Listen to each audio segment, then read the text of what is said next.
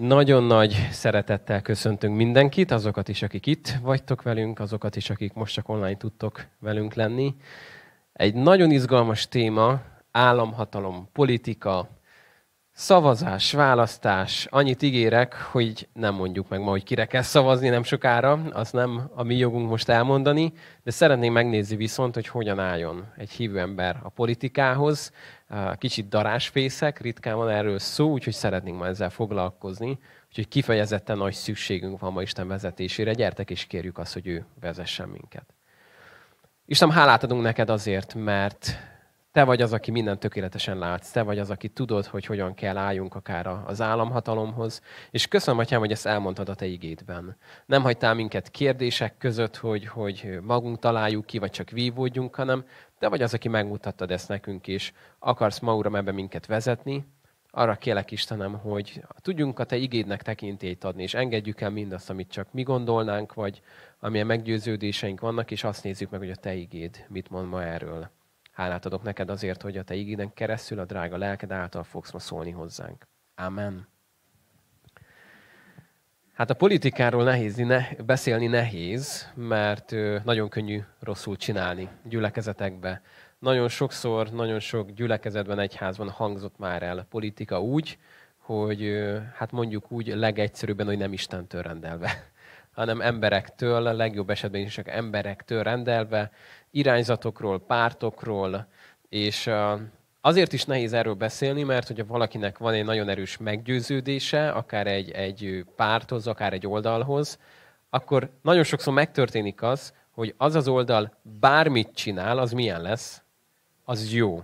Az ellenkező oldal bármit csinál, az milyen? Az rossz. És ez egy nagyon érdekes vakság az emberi gondolkodásban, megfigyelhető akár futballrajongóknál is.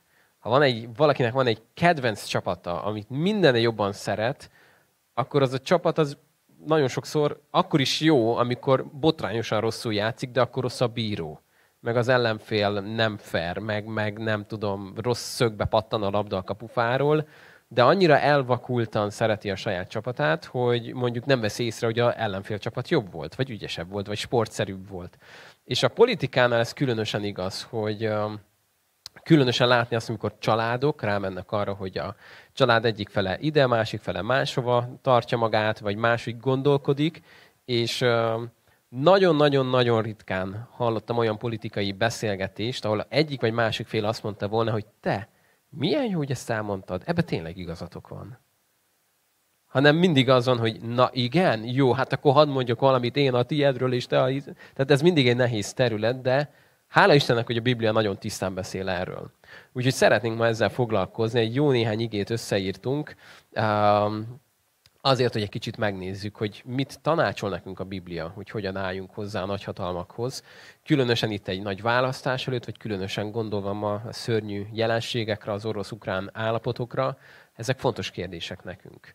Mi jut eszünkbe a Bibliából, ami az államhatalomhoz köthető? Milyen tanács, tiltás, bátorítás, történet, mik, mit jutnak eszünkbe? Imádkozzunk, kértük. Ez egy nagyon-nagyon fontos alapelv, hogy tartsunk értük könyörgéseket. Akkor már nézzük meg konkrétan is az igét, ami erről szól. 1 Timóteus 2 első két verse azt mondja, tehát Timóteusi első levél, második fejezet első két verse, arra kérlek mindenek előtt, hogy tartsatok könyörgéseket, imádságokat, esedezéseket és hálaadásokat minden emberért, és hogy folytatja? A királyokért, minden feljebb valóért, hogy nyugodt és csendes életet élhessünk, teljes Isten félelemben és tisztességben. Mondja ezt Pál akkor, mikor végre ugye Nagy Konstantin lett a vezető és államvallás lett a kereszténység. Hát az még odébb van. mikor mondja ezt Pál? Keresztény üldözés kellős közepén. Amikor olyan emberek uralkodtak, mint mondjuk egy Néró, aki keresztényeket karóba húzott, és a palotájába vezető utat őket leöntve, viasszal meggyújtva, ezzel ragyogtatta be az éjszakát, ilyen kellemes, romantikus esti világításnak. Ezt csinálta például Néró, és azt mondja Pál, hogy imádkozatok értük. Na nem, nem olyan imád, hogy áld meg Uram Nérót, hogy minél több ilyet tehessen, és legyen ő a te dicsőségedre, hogy sok keresztényt megöljön még. Tehát nem így imádkozni érte, hanem hogyan? Sokféleképpen lehet, nem? Eszünkbe jutott az, hogy szabadíts meg a gonosztól, de eszünkbe jutott az, hogy Isten nyissa meg az ő szemét. Hogy, hogy találkozzon Jézussal. És hogy az, amit ő tesz most, az, az Istenre nézve tudja ezt tenni, és hogy akár kapjon Istentől egy álmot, egy látomást, akár csak Jézus kivégzésére, ha visszagondolunk, emlékszünk ott, hogy ott azért volt, hogy valaki, egy feleség, egy uralkodónak a felesége, ki is volt az? Uh-huh. Emlékszünk ott? Ő, ő kapott valamit Istentől. Valamit, és hogy ezt Isten meg tudná tenni, nem? Akár ott a Néróval, vagy bárkivel, vagy hogy helyezen az udvarába olyan embereket, akik Istenre fognak mutatni a, olyan katonákat, akik már megtértek, és annyi mindenért lehet imádkozni. De azt mondja, tehát ezt hadd még egyszer, mindenek előtt, azért ez nem egy, nem egy lényegtelen dolog, tartsatok könyörgéseket, imádságokat, esedezéseket, háladásokat minden emberért, királyokért, minden feljebb valóért, hogy nyugodt és csendes életet élhessünk. Szóval, hogy legyen egy nyugodt és csendes életünk. Tehát ez már egy nagyon jó dolog, hogy bárki van hatalmon, a hívő embernek kell érte imádkozni? Igen. Pont. Kell.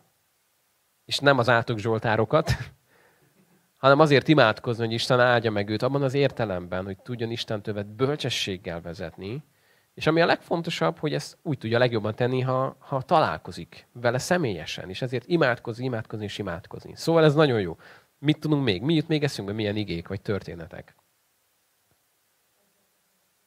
Adjátok meg a császának, ami a császáré, és Istennek, ami az Istené. Hogy is nézett ki ez a történet? Oda mennek Jézushoz, hogy szabad-e, vagy kell-e adót fizetni. Mit mondott Jézus? Hozzatok ide nekem egy pénzérmét. Kinek az arca van rajta? A császári. Miért volt ez nagyon fontos? Mert ott van a pénz. Rajta valakinek az arca, a képmása. Azt mondta Jézus, hogy ez oda tartozik, ahova a képmás. Ha a császár arca van rajta, akkor amin a császár képmása van, adjátok meg a császárnak. Hol van Istennek a képmása? Az ember, nem? Akkor azt mondja Jézus, hogy ezt a nem nagy értéket, amiből a mennybe aszfaltozunk, ezt az aranyat, ezt nyugodtan adjátok oda a császárnak. Rajta a képmása. Ami megilleti, az legyen az övé. Na de amin az Isten képmása van, az emberen, az hova való? Azt az Istennek adjátok oda. Az életeteket, a szíveteket. Szóval látjuk, hogy Jézusnak nagyon erős tanításai voltak, még amikor az adózásról, meg az ilyenekről kérdezték is, de leszögezte, hogy nem az a hívő ember, aki most itt fellázad és, és nem teszi, hanem azt mondja, hogy ami oda kell, ami neki jár, azt tegyétek meg. És ide egy-két igét hadd olvassak, amik ezt fogják eléggé nekünk aláhúzni. Titus 3.1, Titus 3.1-ben azt mondja Pál, emlékeztesd őket arra, rendeljék alá magukat az uralkodóknak, a felsőbségeknek, engedelmeskedjenek, és legyenek készek minden jó cselekedetre. Aztán nehogy azt mondja valaki, hogy ez csak Pálapostól tanításaiban jelenik meg. Pétertől is hadd olvassak ide. Péter első levele második fejezet 13-tól. Péter első levél második fejezet 13-tól, engedelmeskedjetek minden emberi rendnek az Úrért, akár a királynak, mint a legfőbb hatalomnak, akár a helytartóknak, mint akiket ő küld a gonosztevők megbüntetésére és a jó cselekvők megdicsérésére. Mint szabadok, nem úgy, mint akik a szabadságot a gonoszság takarójául használják, hanem mint Isten szolgái. Tehát ezzel nagyjából azt mondta Péter, hogy az, ahogyan te kötődsz az államhatalomhoz, és ahogyan teszed a dolgaidat, ahogyan teszed a jót, ahogyan dolgozol, ahogyan adót fizetsz, ahogyan ezeket teszed, abban mit látsanak meg az emberek? Istent, mint Istennek a szolgája. És azt mondja, ha olvasom még egyszer az elejét, engedelmeskedjetek. Szóval van egy ilyen, ami, ami erről szól, de ha már Péter szóba jön, aki azt mondja később ebben a levélben, úgy, hogy engedelmeskedjetek az emberi rendeknek, valaki mondott egy olyat is, hogy inkább Istennek kell engedelmeskednünk, mint embereknek. Ki mondta ezt? Péter, nem?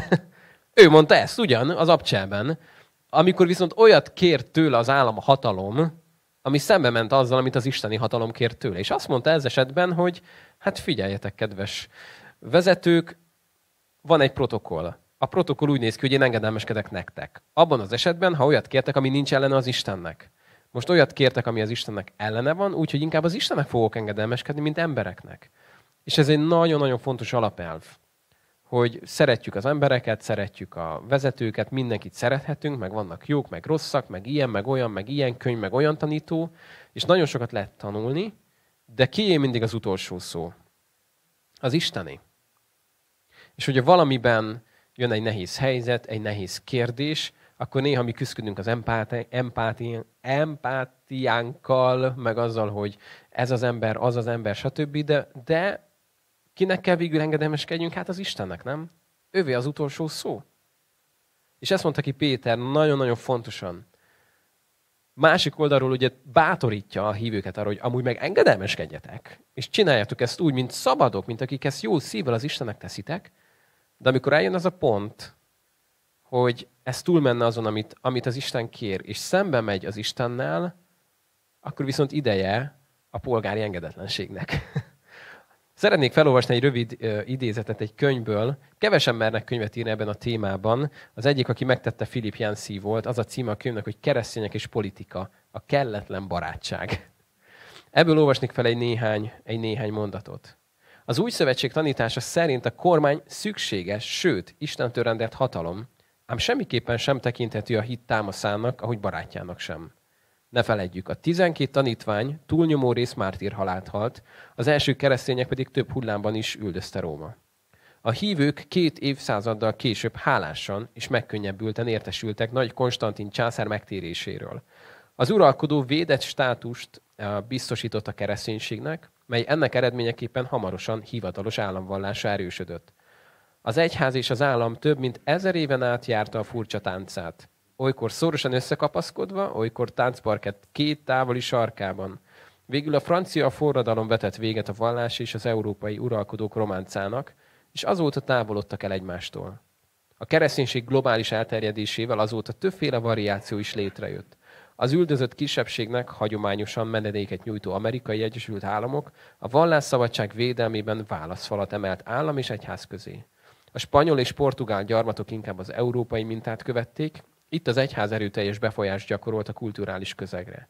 Egyes kommunista, illetve iszlám országok diszkriminálták a keresztényeket, főben járó bűnnek kiáltották ki a megtérést, ezért az egyház ezekben a térségekben elkerülhetetlenül Krisztus, Krisztus kultúra ellenében elvett tekintette érvényesnek.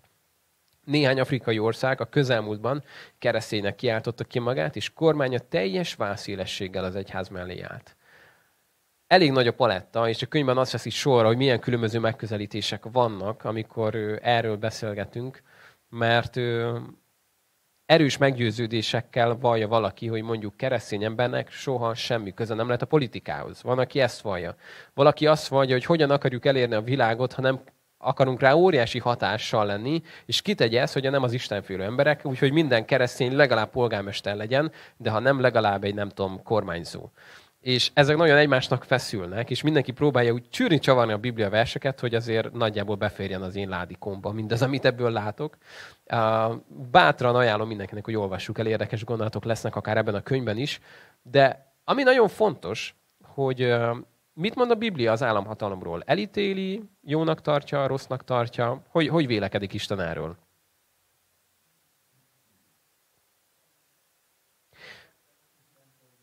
Igen, tehát azt fontos kimondani, hogy Istentől van. Tehát nem az történt, hogy létrejöttek államhatalmak, vagy uralkodási rendszerek, és Isten meg vakarta a fejét, hogy ez mégis mi akar lenni, és fogadjam el, vagy nyomjam össze, hanem ez Istentől rendelt. Na most, hogy ez miért van így, és hogy ne azt mondjátok, hogy ezt csak én találtam ki, megint egy néhány igeverset hadd hozzak. Példabeszédek könyve, ez még jóval Pálapostól élete is ideje előtt, példabeszédek 8-15-től, azt mondja, Általam uralkodnak a királyok, és rendelkeznek igazságosan a fejedelmek. Általam vezetnek a vezérek, és ítélkeznek igazságosan az előjárók. Dániel 4.14. Az angyalok hozták ezt a rendelkezést, a szentek végzése ez a parancsolat. Hadd tudják meg az élők, hogy az emberek királyságán a felséges uralkodik. Annak adja, akinek akarja. És a legalacsonyabb sorból is tróla emelhet valakit. Akkor Bírák könyvéből is egy érdekes példa arra, amikor ez nem működött, azt olvassuk, hogy abban az időben nem volt király Izraelben, mindenki azt tette, amit amit ő maga jónak látott, vagy ahogy ír ez a fordítás, ami neki tetszett. Szóval nem volt király, nem volt egy egységesített irány, ezért mindenki azt tette, amit éppen jónak látott. Na most azért olvas a bírák könyvét, ez jó lett, vagy nem lett jó? Ez nagyon rossz lett, mert mindenki azt tette, amit ő jónak látott, de az a nagy jó, amit ő jónak látott, az messze volt attól a jótól, amit Isten jónak látott. És hogy még egy, egy jó szövetségét hadd hozzak, vezetés, látás nélkül elvész a nép.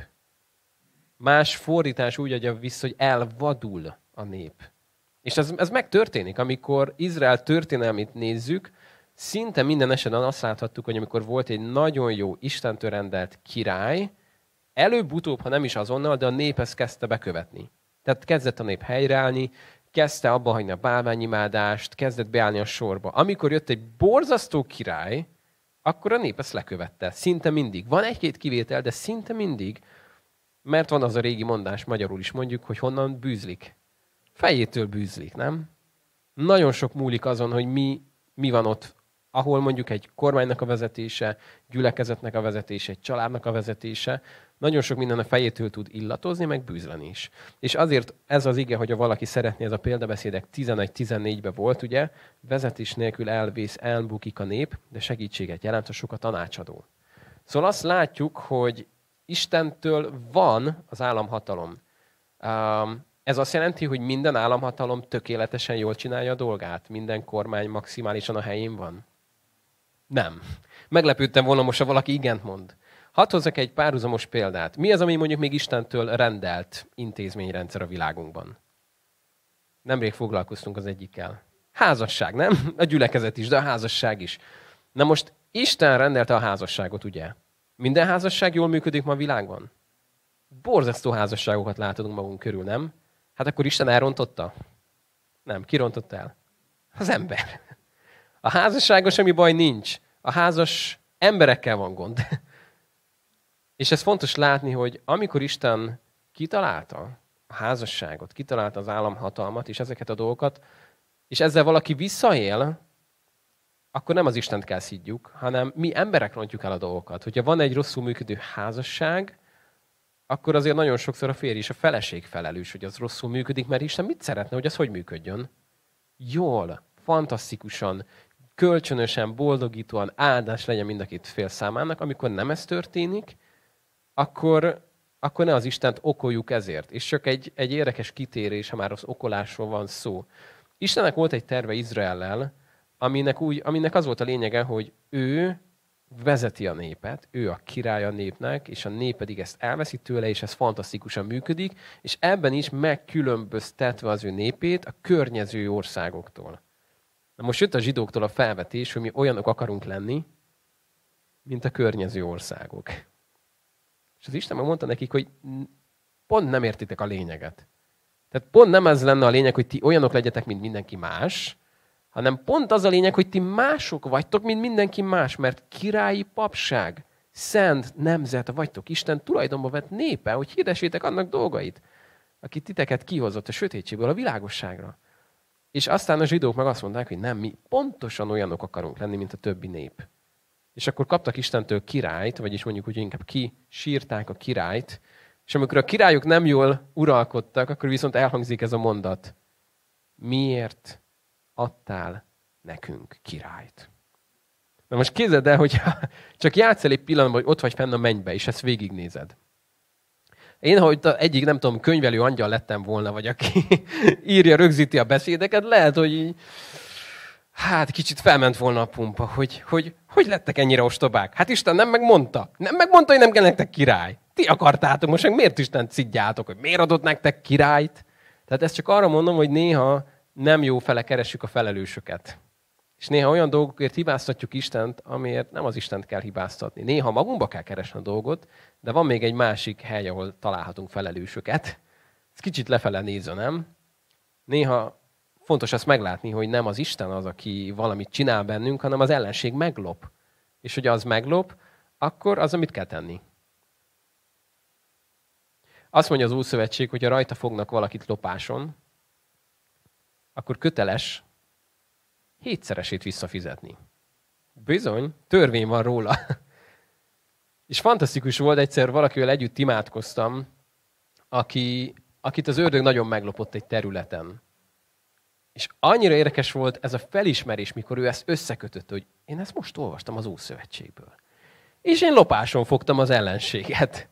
Lopáson kaptam. Úgyhogy ő most ezt vissza fogja nekem fizetni. És tényleg az Isten megtette az életében, hogy helyreállította azt a területet szinte hétszeresen. Mert megértette azt, hogy az ellenség jön azért, hogy lopjon, öljön, pusztítson, de Istennek más a terve. Szóval most az áróját bezárjuk. Ezt csak arra mondtam, hogy nagyon sok mindenért vádolja a mai világ Istent, amit nem felelős. Billy Grahamnek a lány, és ez még egy érdekes történet, ezt hadd mondjam el, egy, egy rádió interjúban volt Amerikában hú, hosszú-hosszú évekkel ezelőtt, amikor már nagyon sok gond volt az amerikai iskolákban, nagyon sok támadás volt, nagyon sok visszaélés a fegyverekkel, de már jóval azután voltunk, hogy igazából a gyülekezeteket, az Isten hitet, azt kirakták az iskolákból. És ebben a, a rádió interjúban kérdezték a Billy Grahamnak a lányától, hogy, hogy de hol van Isten az iskolákban? Hol van az Isten, amikor ezek történnek? Hol van a ti istenetek?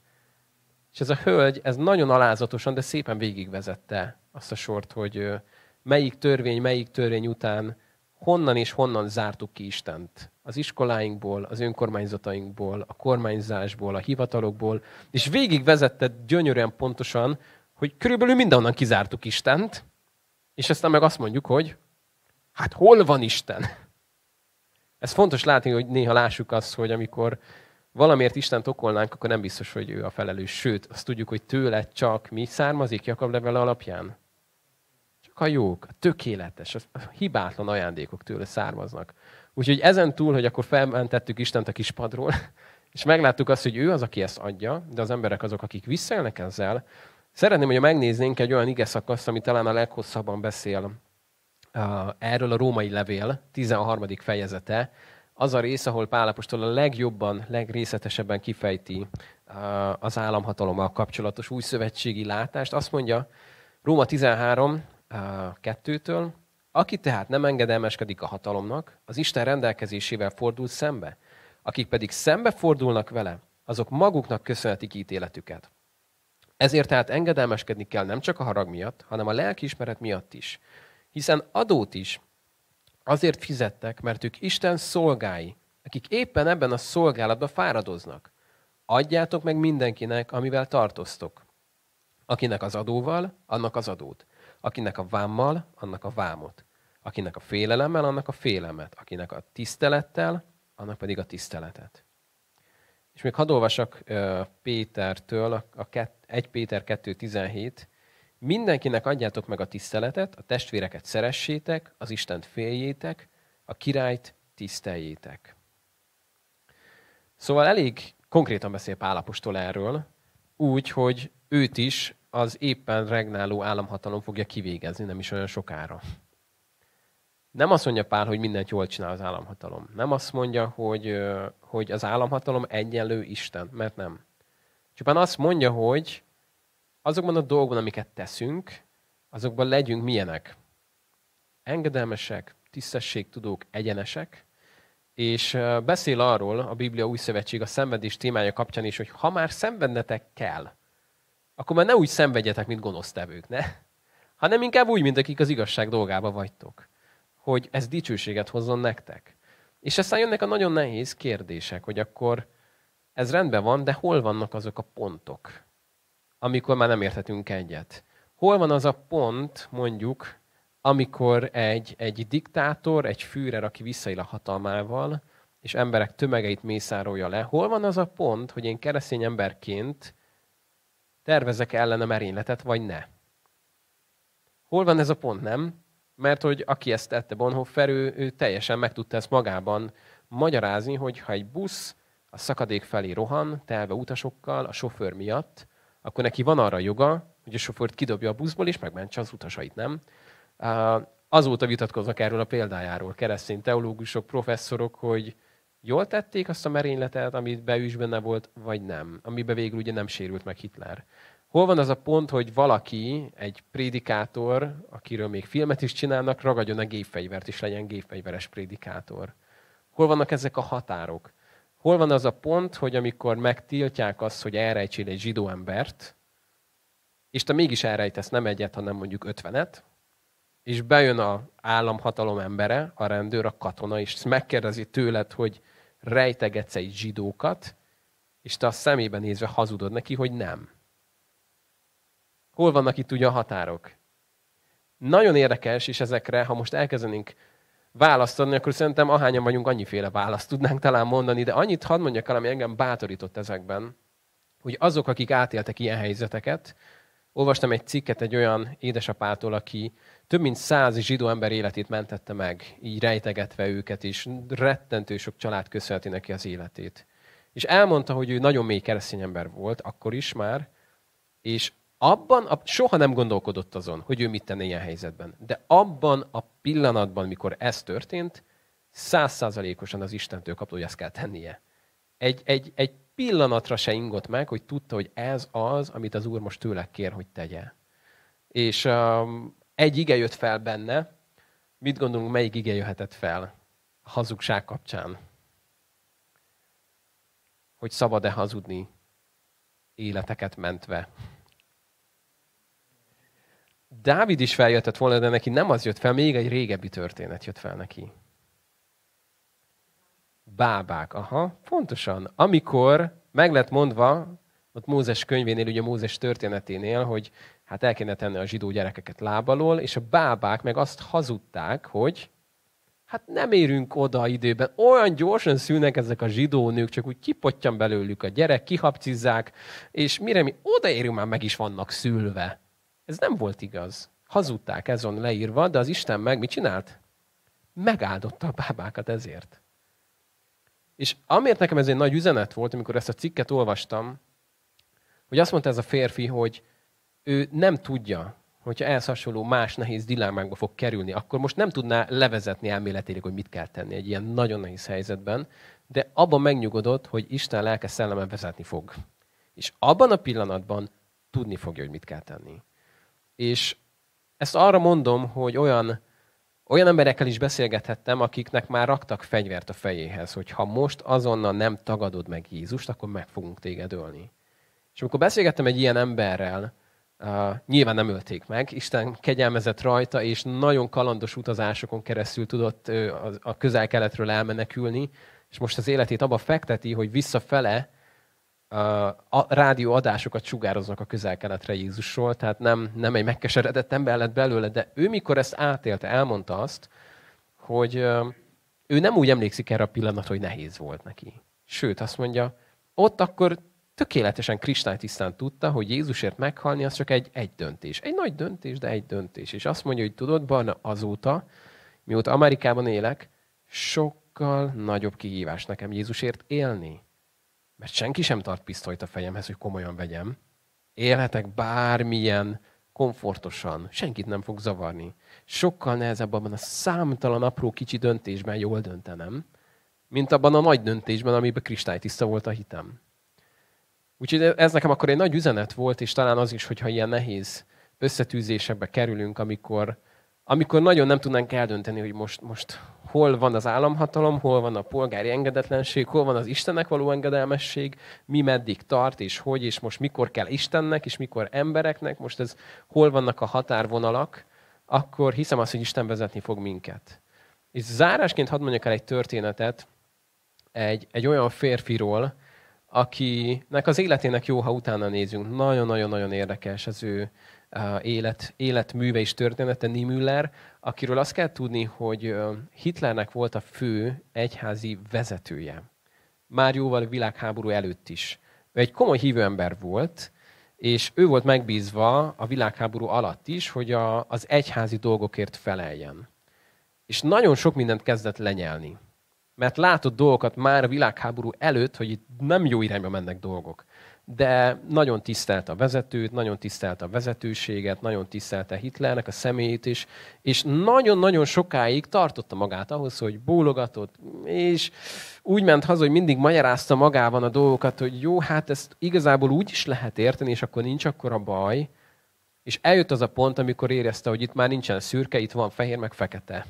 És képzeld el azt a pillanatot, ez meg van örökítve, mikor ez az ember bement Hitlernek az irodájába, és azt mondta neki, most hadd ne németül mondjam, hogy az én fűrerem Jézus Krisztus, nem te. Na most, hogyha valamit tudsz Adolf Hitlerről, szerinted hogy reagált? Olyan szinten kelt ki magából, hogy azt mondta, hogy ő most nem öli meg ezt az embert, mert az túl szép lenne, túl könnyű lenne neki. Berakadt egy olyan haláltáborba, ahol szándékosan megadta azt a parancsot, hogy ezt az embert nehogy megöljétek. Olyan sokat szenvedjen, olyan választékosan, ameddig csak lehet. És amikor már jöttek a felszabadító seregek, még elment egy üzenet, hogy ezt a Niemüllert minden áron öljék meg. Ez az üzenet már nem érkezett meg a táborba. Így tudjuk a történetet, mert túlérte ez a férfi ezt az egészet. De eljött az a pont, mikor képzeld el, hogy milyen érzés lehetett, nem? Odaállni és ezt mondani, hogy az én fűrerem az Jézus Krisztus. De ez volt az a mondat, amit neki akkor ki kellett mondania. És hiszem azt, hogy nekünk is lehet, hogy vannak ilyen pillanatok, vagy lesznek ilyen pillanatok, mikor ilyen egyenesen ki kell mondani valamit. Amíg ez nincs, addig tudjuk, mit kell tenni. Megadni a császárnak, ami a császári, és megadni az Istennek, ami az Istené. És amikor ebből a kettőből feszültség van, akkor tudom, hogy az éremnek melyik oldala legyen felül, ugye? És melyiket fordítom le. Úgyhogy szeretném, hogy itt most megállnánk, és lehet valaki csalódik, hogy hát nem mondtuk meg, hogy kire kell szavazni. Azt megmondtuk, hogy kell imádkozni, méghozzá nem keveset, bőjtölni ezért. Azt megmondtuk, hogy dolgozni kell, adót fizetni kell, tisztán kell csinálni, nem kis utcákat keresve, és nem átverve semmit és semmilyen intézményt, hanem egyenesnek lenni. Ebbe beletartozik az is, hogy megveszem a jegyemet a buszon, mert az is államhatalom, nem? Megveszem az autópálya matricámat, és, és beletartozik az is, hogy, hogy egyenes vagyok a dolgaimban, hogy, hogy tudjak erre, ezzel is bizonyságot tenni. Volt egy barátom, akinek van egy hatalmas motorja, és egy hatalmas motor szenvedélye, és hát van egy bűn, amivel sokat küzdik. Hát Pálapostól keveset írt a gyors hajtás bűnéről, de ő ebből akar mindig megtérni, és már nagyon szépen halad. De volt egy idő, amikor már új, újjászületett keresztény volt, és hát nagyon nagyon nehéz volt a karja, nagyon elengedte, és borzasztó gyorsan ment, és látta, hogy mögötte felkapcsolódott egy sziréna. Azt is tudta, hogyha még egy kicsit húzna a karon, akkor el fog tűnni a sziréna. Tehát ez még nem, nem a mostani, nem tudom, BMW és rendőrautók korszakában volt. Úgyhogy tudta az, hogy ez megoldódna ez a probléma egy tíz másodperc alatt, de Isten arra kényszerítette, hogy húzolj le és állj meg. És azt mondja, az a pillanat, amikor megjönnek a rendőrök, nagy sokára utolérik. Kiszáll a két rendőr. És teljesen értetlenül néznek rá, hogy az első kérés az volt, hogy maga miért állt meg? Mert azt tudták, hogy ő, tehát ők illemből felkapcsolták a szirénát, de hogy ez nem fog megállni, hát ez elmegy záhonyig ezzel a gázzal.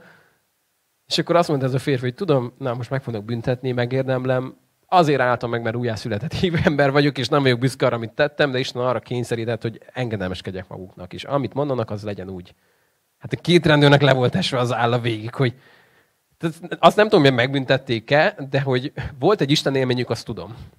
És ez most nem azt jelenti, hogy mindenki akkor menjen fel az m 0 és legyünk gyorshajtók, hogy ezzel tegyünk bizonyságot. De ott akkor valamit ő már tapasztalt abból, hogy igen, az most egy egyenes dolog, ha az nem is volt egyenes, hogy gyorsan mentem, az egyenes az, hogy akkor most megállok. És ha ezért megbüntetnek, akkor megbüntetnek, és ez jogos lesz.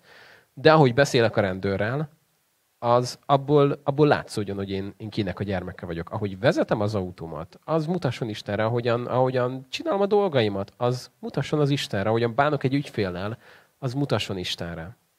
Úgyhogy itt megállunk, és a többit meg mindenki majd tovább gondolhatja, hogy akkor hogyan tovább, mit fogunk tenni áprilisban. Ezt hozzuk az Isten elé, de most, most szeretném, ha itt tudnánk közösen ezt lezárni a imádsággal. Isten, mi magasztalak téged azért, mert te egy olyan Isten vagy, aki mindent a kezedbe tartasz. És köszönöm, atyám, hogy a mennyországban egy darab trón van, és azon pedig te ülsz. Köszönöm, atyám, hogy a, a birodalmak azok már jöttek és mentek, és egymás után dőltek be, és, és tűntek el a feledésbe, te a te beszéded, a te szavad, a te országod az ott van. És a te trónod az nem rendül meg. És hálát adok, Uram, azért, hogy ma is azt mondhatjuk, hogy bármi van körülöttünk, az uralom az a tied. A trón az a tied, és, és minden mást el fogunk felejteni ott a mennyből nézve, amit olyan fontos, tudjuk azt, hogy te vagy az, aki, aki örökké tartó vagy, és arra kérlek Istenem, hogy adj nekünk bölcsességet, hogy tudjuk úgy élni az életünket, hogy ezzel rád mutassunk. Szeretnénk, Uram, most imádkozni az országunk vezetőiért, azokért, Uram, akik, akiket olyan helyre emeltél, Uram, hogy, hogy sok mindenről döntenek, sokak felett döntenek, hogy adj nekik, Uram, bölcsességet, tőled való, fentről való bölcsességet. És add, Uram, hogy megismerhessenek téged, hogy, hogy veled együtt tudják, Uram, vezetni ezt az országot is. Imádkozok Istenem azért, hogy Uram, állj meg minket is a te népedet, hogy tudjuk úgy képviselni a te igédet olyan egyenesen, olyan kristálytisztán, ahogyan tették ezt Péterék. És lássuk, Uram, meg a határokat, azokat a pontokat, ahol ki kell állni, de szeretnénk, Uram, rád mutatni. És hogyha valamit, Uram, korrigálni kell, hogy le kell húzódni a motorunkkal, akkor adj nekünk ebbe világosságot, Uram, hogy hol kell, hogy máshogy tegyük a dolgainkat. Kérlek Isten abban, hogy vezess minket ebben, és legyen a Te országod, Uram. Magyar, legyen a te, a te áldásod, Uram, a magyar népen, és imádkozunk, Uram, most a orosz-ukrán helyzetért úgy szeretnénk, Uram, azt látni, hogy, hogy a békességet adnál, Uram, és, és, és, és nem az történ, amit most látunk, Uram, hanem, hanem valahogy megállna ez az egész. Kérlek Isten, hogy add a te békédet, add a te nyugalmadat, Uram, és add, Uram, hogy akik döntéseket hoznak most, azok, Uram, azok tudjanak letérdelni és eléd menni, és hallják meg a te hangodat. Amen. Hát, államhatalom, nehéz téma volt, de hiszem azt, hogy Isten tud ebben minket még mélyebbre is vinni, amikor akár folytatjuk, akár ugye valaki szeretné, én már ezt most nem fogom olvasgatni, régebben elolvastam, úgyhogy ha valaki szeretné, most is odadom szívesen ezt a könyvet. Um, hitünk szerint egy hét múlva folytatjuk, ha Isten is éltet minket, ugyanígy fél hétkor egy következő témával, már nagyon-nagyon kevés van hátra. A következő téma az a végső dolgok hát az is nagyon aktuális lesz, hogy akkor mik ezek a végső dolgok. Azt nem ígérem, hogy azt egy alkalom alatt átvesszük, mert az, az egy kicsit nagyobb, nagyobb lesz talán, azt lehet, hogy jobban felosztjuk majd. Akik online voltatok velünk, tőletek most elköszönünk, és nekünk meg következik még egy igazi finom desszert ma estére, amikor egymással tudunk beszélgetni, és tovább visszük, hogy kiben mi mozgolódott, úgyhogy arra bátorítlak, hogy legközelebb próbálj meg te is eljönni, és hogy tudjunk itt együtt beszélgetni. Isten áldjon titeket!